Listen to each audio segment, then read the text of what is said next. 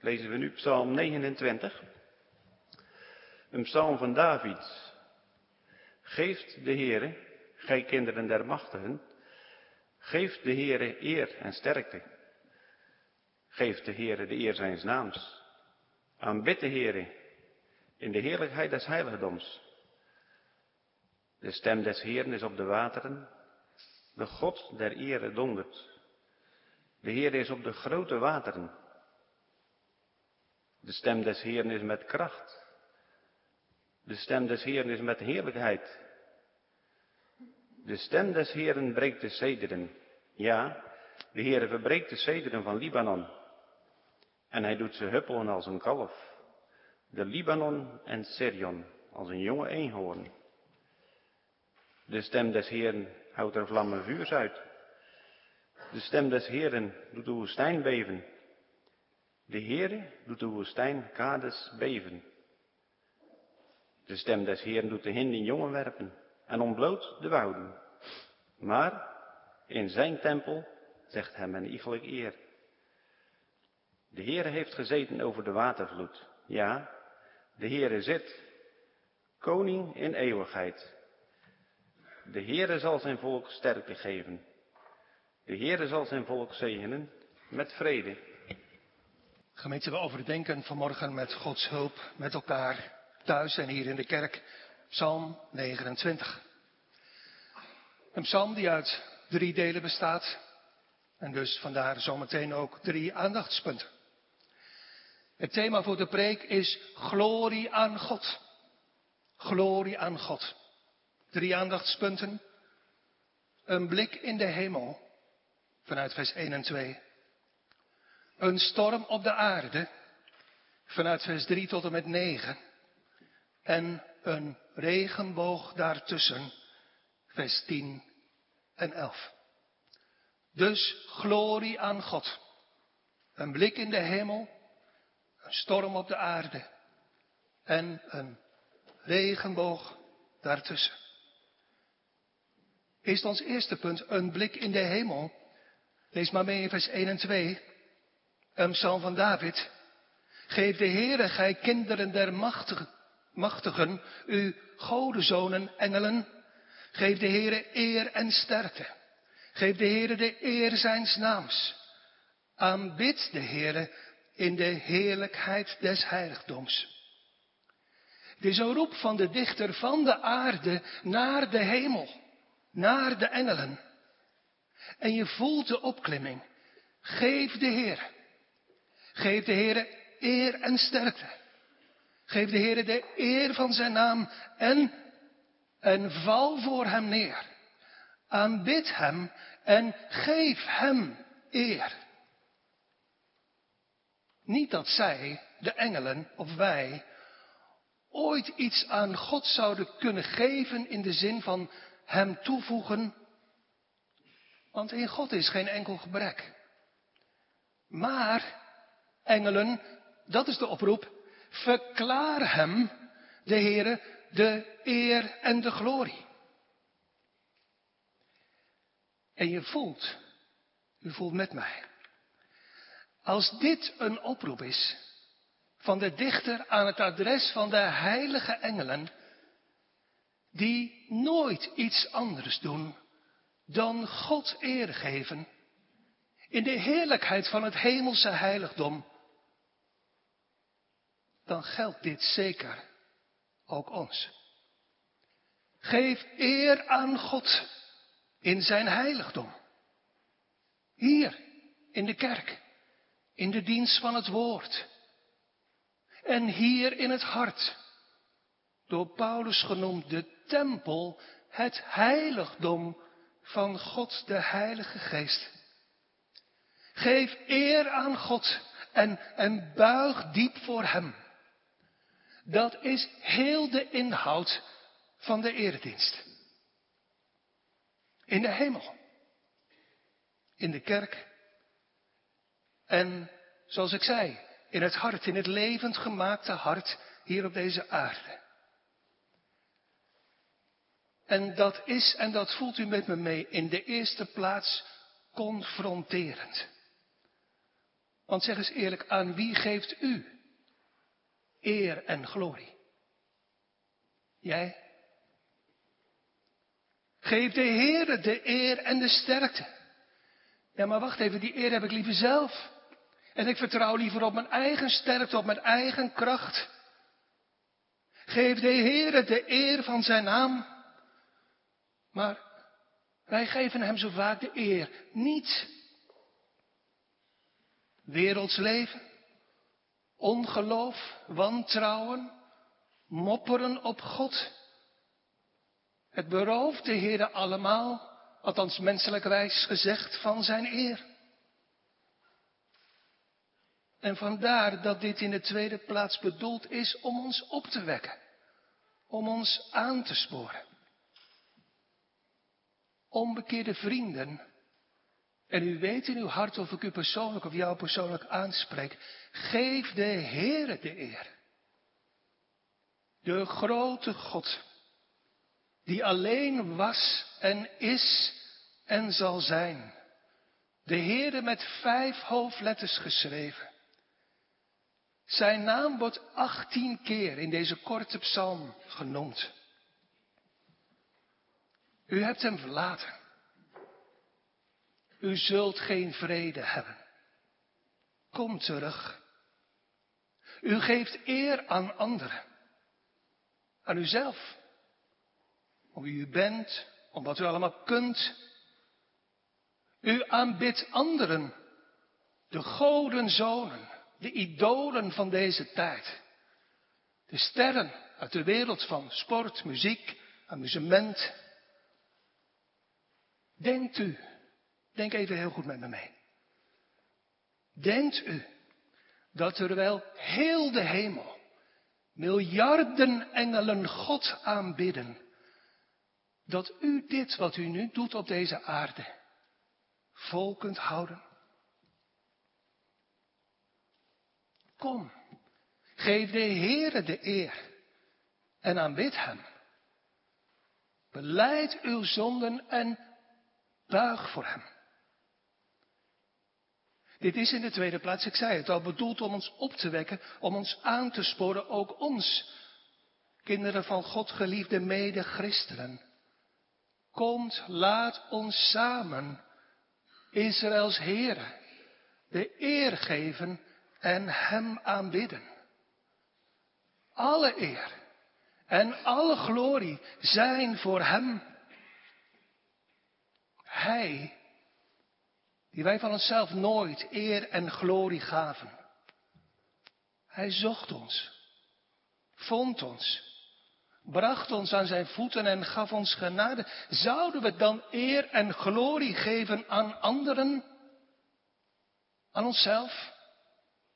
om wie wij zijn en wat wij presteren en ervaren?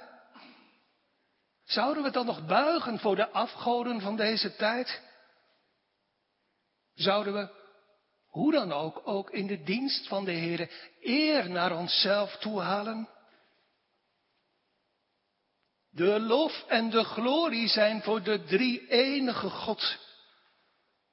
Laat ons Hem eer en heerlijkheid geven.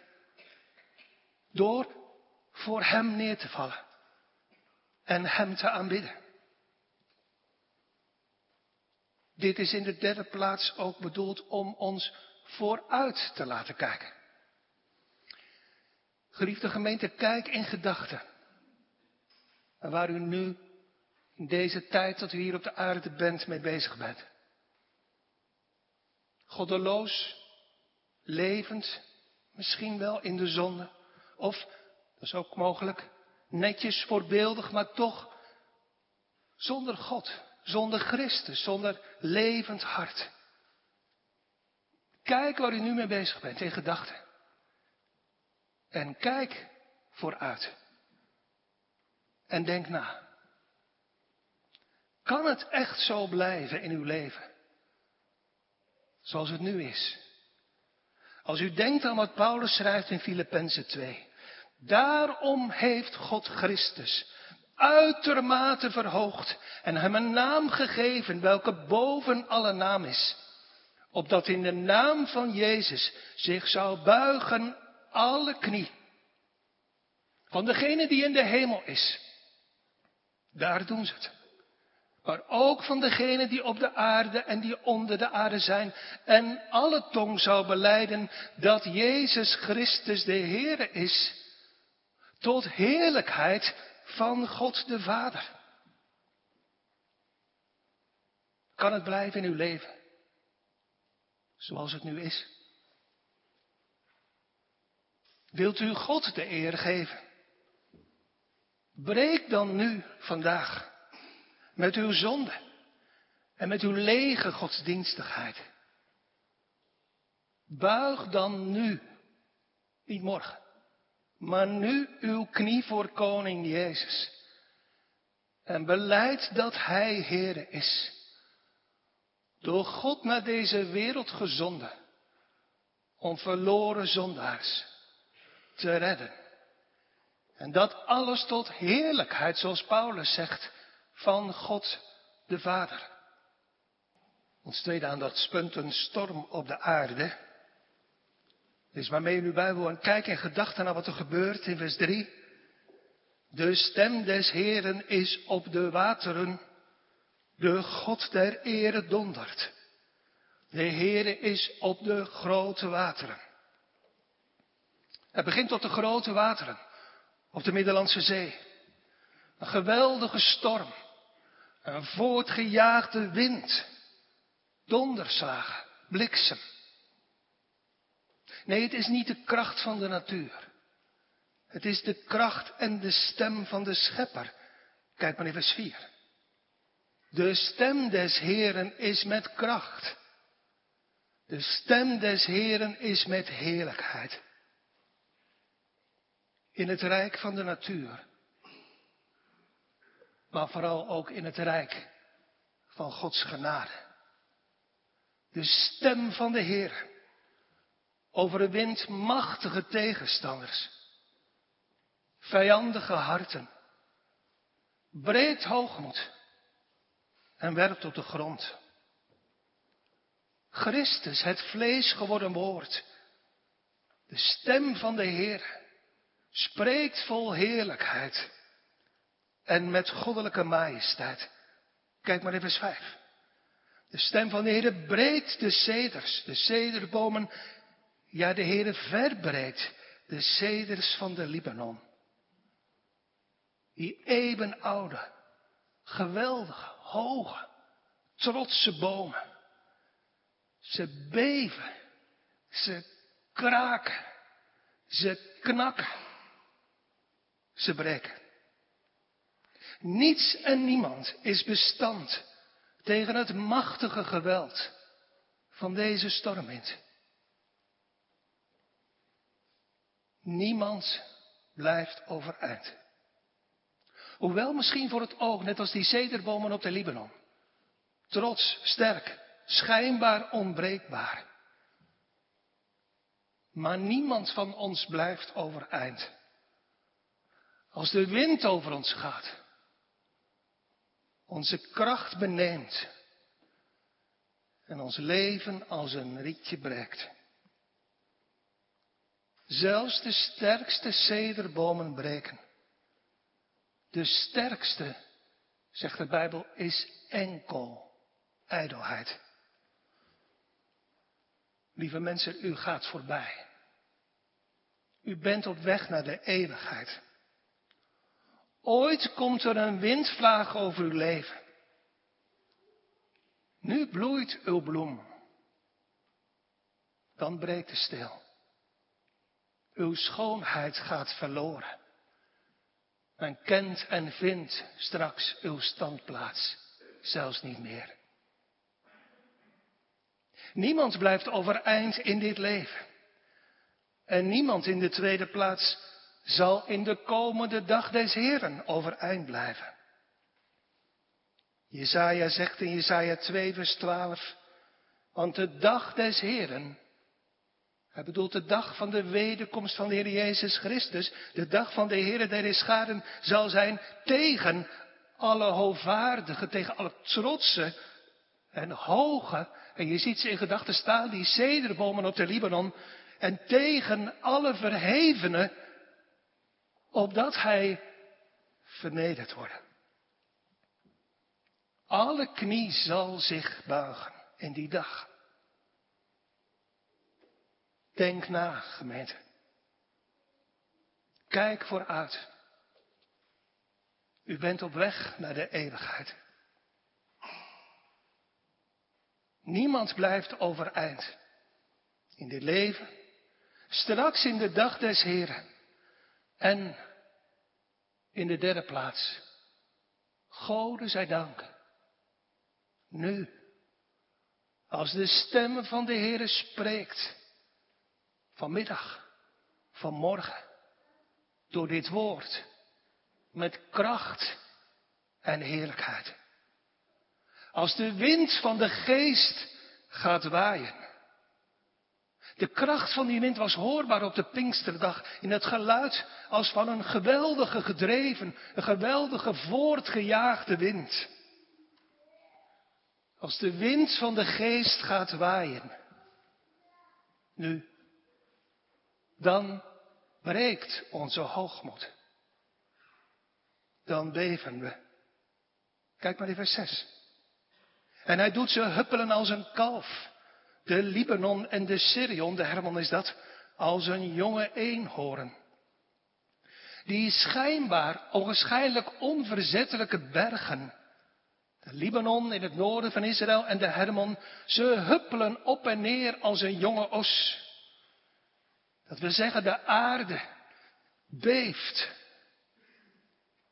Wat nooit in beweging leek te kunnen komen, beweegt ineens wel. Zoals de dichter zingt van Psalm 97. De bergen smelten als was. Voor het aangezicht van de Heer. Voor het aanschijn van de Heer van de ganse aarde.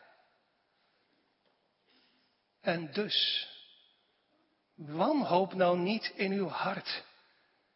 Verharde zondaars onbekeerde vrienden, jong of oud. Hier staat het. De stem van de Heer beweegt het onbewegelijke. En breekt wat onbreekbaar leek. En zegt de Bijbel, zij vallen voor hem neer. En vers 7. De stem des Heeren houdt er vlammen vuurs uit. Bliksemschichten schieten door de lucht en verdelen zich naar de grond. En wat gebeurt er dan, jongens en meisjes? Als je, als je binnen zit, zie je het niet zo goed. Maar als je buiten staat en je ziet de bliksem, wat gebeurt er dan? Dan zie je ineens, ineens is alles verlicht. Zelfs het donkerste hoekje licht op. De meest verborgen plek is ineens zichtbaar. De stem van de Heer. De machtige stem van God in het evangelie. Verlicht ineens donkere plaatsen. Verlicht die donkere schuilhoeken van ons hart. En legt mensen als wij op de grond. En dus nogmaals, onbekeerde vrienden, wanhoop niet. Verharde ja, ik weet het. Het kan zijn dat je het voelt terwijl je hier in de kerk zit. Je zegt, maar hart is zo hard. Verharde, dode zondaars met een hart vol van verborgen zonde misschien wel, omhuld door die, ja, die zichtbare schijn van christen zijn. De stem van de Heere verlicht het donkerste hart en laat het hardste hart smelten. Zo sterk, zo machtig is de stem van onze God en zij vallen voor hem neer. Dit is opnieuw profetie van de komende Pinksterdag, als er tongen van vuur gezien worden op de hoofden van die 120 mensen. Het is de Heilige Geest zelf, die met kracht en majesteit En de Heere geven ons dat, niet alleen vanmiddag, maar ook vanmorgen. Dat we dat zo mogen ervaren. Het is de Heilige Geest die met kracht en majesteit het licht ontsteekt. Verlicht duistere harten. Die verwarmt. Die de zonde in brand steekt. En heilig vuur geeft in harten en in monden. Om de grote werken van God te verkondigen en harde harten breken. Stenen harten splijten. En vijanden buigen en breken. Dus nogmaals, wanhoop niet, vijanden van God en Christus. Maar bid. Niet straks, maar nu. Bid vurig in uw hart om de stem om de kracht, om de genade van de Heer, om uw hart te laten smelten. Verder trekt die geweldige storm van het noorden van de Libanon en de Hermon, dwars door Israël tot diep in het zuiden, tot in de woestijn van Arabië toe. Kijk maar even vers 8. De stem des Heren doet de woestijn beven. De Heere doet de woestijn Kades in het zuiden beven. De wildernis schudt en beeft van, vers 9, de stem des Heeren. Dit is ondertussen de zevende keer dat u al meelezend en al meeluisterend hoort over de stem des Heeren. Het water van de Middellandse Zee kolkte. Die hoge zedenbomen braken. Bergen bewogen zich. En bliksemschichten in de lucht ontdekten wat onzichtbaar leek. En dat was allemaal door de stem des Heren. Maar u, lieve vrienden, u, hoe vaak hebt u de stem van de Heer al gehoord? Hoeveel geweld heeft de Heer gedaan op uw leven, op uw hart? Boog u ook?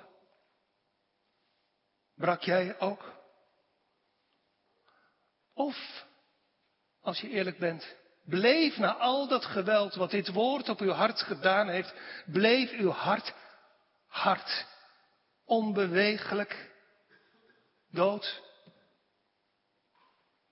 En toch, wanhoop niet.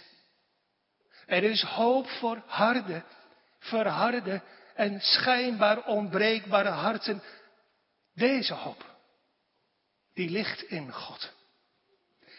Niets en niemand is bestand tegen de stem van de Heer.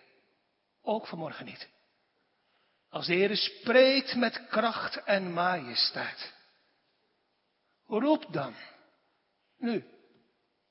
Bid dan, smeek dan, of de Heere nu met zijn stem zal spreken in uw hart en uw harde hart zal verbreken. Nog één keer horen we de stem van de Heere met kracht in vers 9.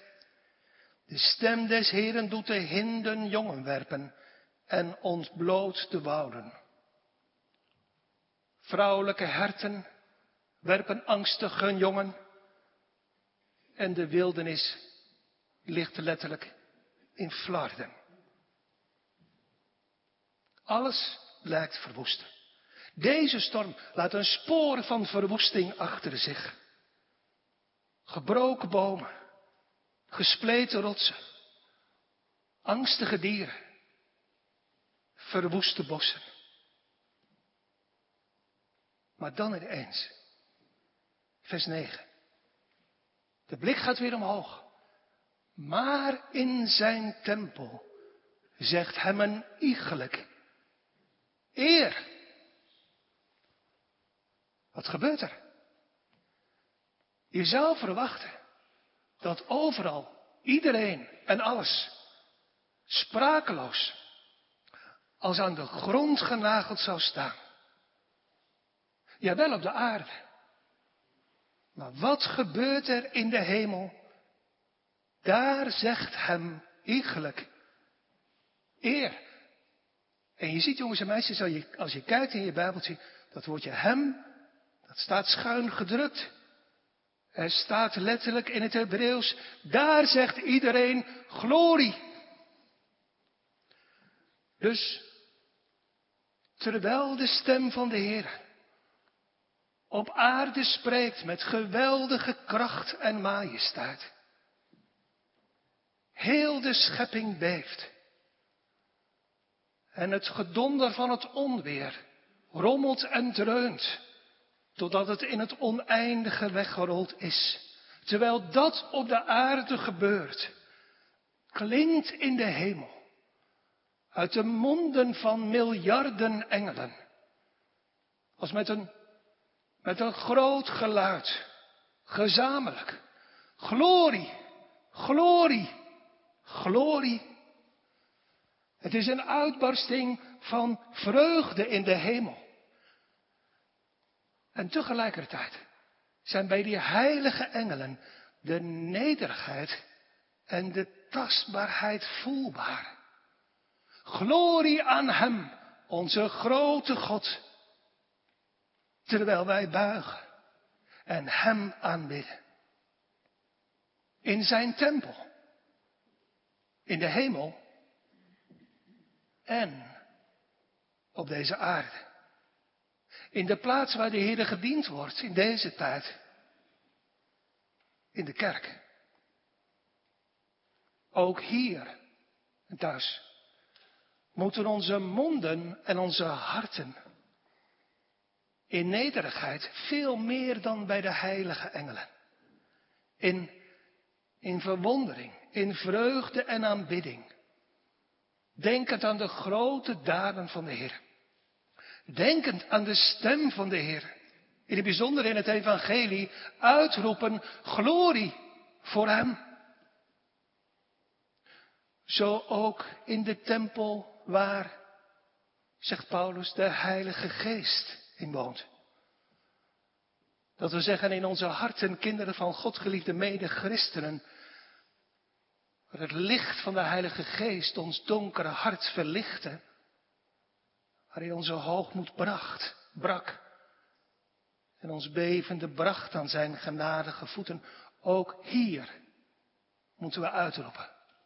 Glorie aan onze God. Geen glorie voor onszelf, geen eer voor ons, zoals de dichter zingt in Psalm 115. Niet ons, o Heer, niet ons, maar uw naam geef eer. Om uw goede tierenheid, om uw waarheid wil. Glorie en eer aan u. Laten we gemeente dat niet vergeten. De kleine catechismus van Westminster begint met de vraag: wat is het voornaamste doel van ons leven? Van het leven van een mens? Antwoord: dat ik bekeerd word? Dat ik uiteindelijk goed terechtkom? Nee, dit is het voornaamste doel van het leven van de mens. De verheerlijking van God. En volle vreugde in Hem te hebben.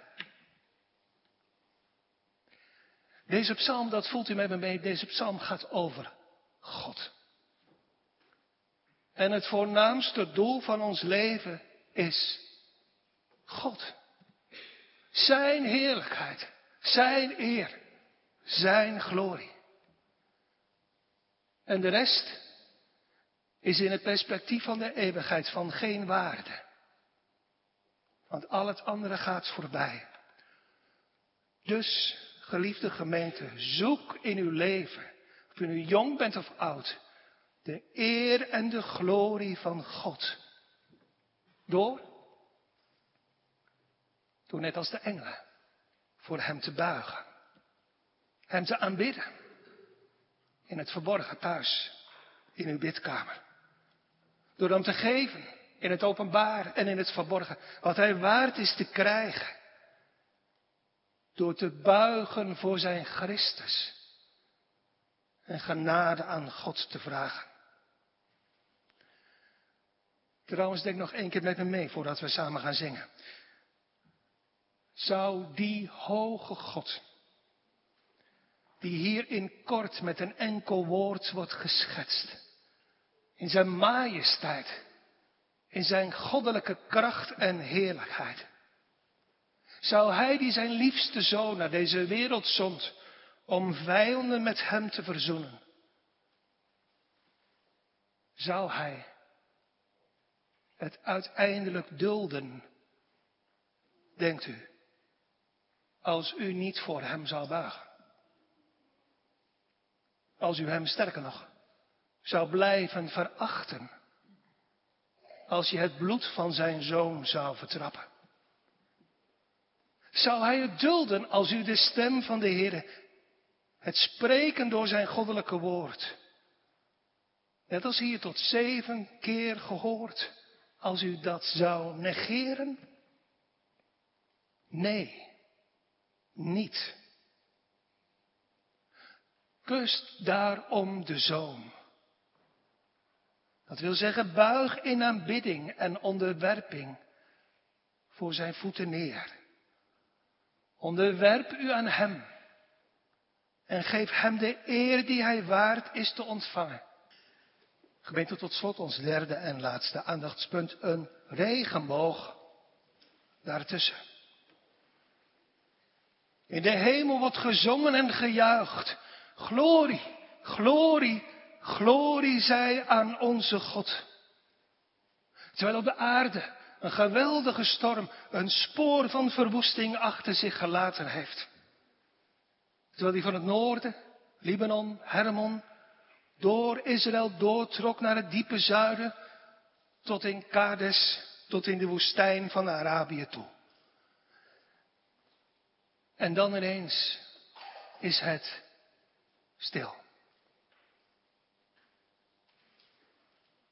Zoals er bij ons na een onweersbui met hagel en bliksem en harde windstoten ook vaak ineens stil is. En als je naar buiten gaat, dan hoor je, dan proef je iets van wat de Bijbel noemt het zuizen van een zachte stilte. Je kijkt om je heen, de zon ligt op en ineens zie je tegen die donkere achtergrond van die onweerswolken de regenboog. Teken van, van wat we vorige week samen zongen. Uw macht is groot. Ja, die hebben we zojuist gezien. Maar ook uw trouw zal nooit vergaan. Kijk maar in vers 10. De Heere heeft gezeten. Of beter vertaald, de Heere zat over de watervloed. Ja, de Heere zit, koning in eeuwigheid. De Heere zat op de watervloed, en dat woord watervloed in het Hebreeuws doet direct denken aan de zondvloed in de tijd van Noach. Doet direct denken aan de tijd van de regenboog. De Heere zat en de Heere zit en zal blijven zitten. Hij is koning in eeuwigheid. Heidense mensen dachten in die tijd, eerlijk gezegd denken wij dat vaak ook nog steeds, stormen, epidemieën, overstromingen, daar zit iets in van, van chaos, van, van oncontroleerbaar zijn. Daar zit iets in van wat uit de hand loopt. En dus raken we in ons hart in paniek. Zo zijn wij. Kleine mensjes als we zijn. Die niet zien, maar gelukkig hier wel in Psalm 29 kunnen lezen. Dat het hierboven in de hemel anders is. Bij de Heer is rust, controle kalmte. Hij zat, hier voelt de rust dan. Hij zat als teken van rust en kalmte, zelfs zegt de dichter, op de zondvloed. In de tijd van Noach. En hij zit blijvend als koning. Want mij, zegt de Heer Jezus, is gegeven alle macht. Niet alleen in de hemel, maar ook op de aarde. Niets loopt hem uit de hand. Geen storm, geen pandemie, geen overstroming.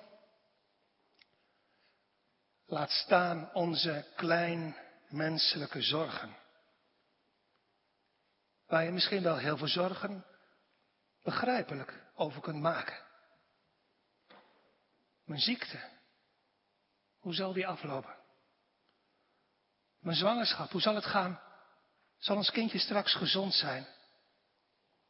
Mijn huwelijk, mijn gezin, mijn ambt, mijn werk.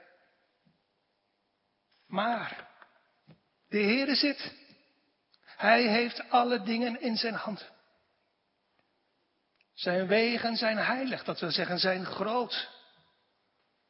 En dus laten wij, kleine mensen als dat we zijn, zijn hoog beleid, zijn wijsheid, zijn heiligheid niet tegenspreken, alsof wij ons leven in onze handen zouden hebben. De Heere regeert. En wat is dat troostvol? Vooral als je weten mag. Ik denk terug aan Psalm 5 twee weken geleden. Die Heer is ook mijn koning en mijn God. Van Hem verwacht ik midden in de stormen van het leven een heilrijk lot. Hij zit. Terwijl het hier op aarde en in ons leven zo kan stormen. Hij zorgt. En hij zegt wat de Heer Jezus zei. Wees dan ook niet bezorgd. Aanziet, dat we zeggen, kijk naar de vogels in de lucht. Dat ze niet zaaien nog maaien, nog verzamelen in schuren. En uw hemelse vader voedt nogthans dezelfde. Gaat u die vogels niet zeer ver te boven? De Heere zit, koning in eeuwigheid, koning over, over iedereen. Denk maar aan Psalm 72. Ja, elk der vorsten zelfs zal zich voor hem buigen en vallen voor hem neer. Nog één keer, onbekeerde vrienden. Als u daaraan denkt, wordt het dan niet de hoogste tijd dat u vandaag, vandaag nog, ook uw knieën voor Hem gaat buigen. En dan zien we tot slot in vers 11 de volle regenboog als er staat. De Heer zal aan zijn volk sterkte geven. De Heer zal zijn volk zegenen met vrede. De Heer met vijf hoofdletters geschreven. De trouwe God van het genadeverbond. Die nooit loslaat. Die nooit laat varen het werk van zijn handen. Die zijn woord houdt. Die zijn beloften vervult. Hij zal. En dan ineens krijgt vers 11 een bijzondere richting. Hij zal zijn volk. Zijn volk dat hij van eeuwigheid heeft liefgehad. Zijn volk dat Christus gekocht heeft met de kostbare prijs van zijn bloed aan het kruis. Zijn volk dat de Heilige Geest levend gemaakt, verlicht, vernederd en gebracht heeft aan Gods voeten. De Heere zal zijn volk. Ik gebruik termen uit de zaligsprekingen. Hij zal zijn volk, de armen van geest, die hongeren en dorsten naar de gerechtigheid van Christus. De zachtmoedigen, de vreedzamen. Hij zal zijn volk, de kleinen en de groten, hij zal zijn volk sterkte geven. En hoe sterk onze God is, daar hebt u zojuist iets van gehoord. Die sterke, die almachtige God ondersteunt degene die vallen. Geef de vermoeide kracht. Richt, zoals staat in Psalm 145, de gebogenen op. En hij hoort zelfs het geroep van de jonge raven. Hij geeft sterkte, staat er aan onze ziel. In dit moeilijke leven, in de strijd tegen de zonde, tegen de duivel, tegen de verleiding van de wereld. In waar het vorige week over ging. In geestelijke duisternis en verlating. Maar ook in alle moeite en verdriet van dit leven. Altijd. Wat is dat toch een gelukkig leven? Altijd mogen we met het verdriet en de nood van ons hart tot deze sterke God vluchten en met Hanna ons hart voor hem uitstorten en onze nood hem klagen.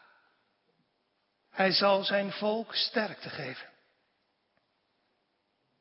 Hij weet wat goed voor ons is. En geeft ons kracht naar het kruis. Maar hij geeft ons niet alleen sterkte en kracht, maar ook, vers 11b, vrede. Want dat is het laatste van deze psalm. De Heer zal zijn volk zegenen met vrede. Wat is dat een zegen, gemeente? Eerst klonk het, verzenlang, zoals in de velden van Efrata. Ere zij God in de hoge. Glorie, heilig is onze God. En nu klinkt aan het einde van deze psalm ineens ook een lieflijk vrede op aarde, in mensen een welbehagen. De Heer brengt ons tot aanbidding van Hem. Ook, en misschien juist wel, zelfs in de moeilijkste periode van ons leven. Waar we zijn machtige handen in zijn voorzienigheid zien. En zijn stem, zijn machtige stem horen die zegt laat af en weet dat ik God ben. En we zeggen stamelend de engelen na. Glorie, glorie, glorie aan u, o Heer. De Heer brengt ons tot aanbidding en schenkt ons, zoals hier staat, zijn gunst. Toont ons het lieflijke licht van zijn vriendelijke aangezicht. En dat is, dat weet u nog van vorige week, beter dan alles van dit leven. Hij laat ons, niet waar, kinderen van God, geliefde mede-christenen, iets van zijn vrede ervaren. Zoals Elia aan de berg Horeb, die ervoor in het zuizen van die zachte stilte. Waar we horen, de hitte van mijn gramschap is geblust. Er is geen verdoemenis meer voor degenen die in Christus Jezus zijn.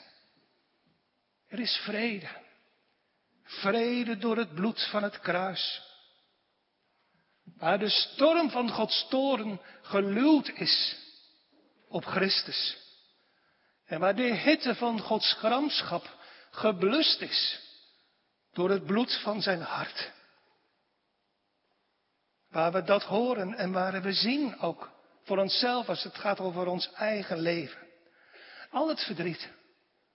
Al dat klagen vanwege onze zonde. Al het gemis. Die moeilijke weg van ontdekking. En al die moeilijke wegen en stormen in ons leven. Heilig zijn, o God, uw wegen, die waren nuttig. En die waren nodig. Om een harde hart te breken om mijn knieën te buigen. En om me in beginsel te leren zeggen, glorie, o God. Om me te leren leven van deze onverdiende, genade gegeven vrede. De Heere zal zijn volk zegenen met vrede. Ook met de vrede van het gaan met een dienend hart in de weg van Gods geboden. in heilige wandel en godzaligheid. In een leven dicht bij het woord. Dicht bij de Heer. Zo staat in Psalm 119, die uw wet beminnen, die uw wet lief hebben, hebben grote vrede. U die de Heer vreest, jullie jongelui. Stil, ootmoedig, nederig, biddend, afhankelijk. Hopend op, verlangend naar, levend van genade. Met uw, met jouw hoop alleen maar gericht op het werk van de Heer Jezus Christus aan het kruis. Dit is ons deel, ons zalig lot. Midden in al de stormen van dit leven. Vrede. Vrede met de hemel. Vrede met God. En om die God, die wij de alle eer en glorie willen toezingen, zal ook het einde van ons leven vrede zijn. Want God zal Jacobs heilig kroost, nu en voor altijd, zegenen met vrede en troost. Amen.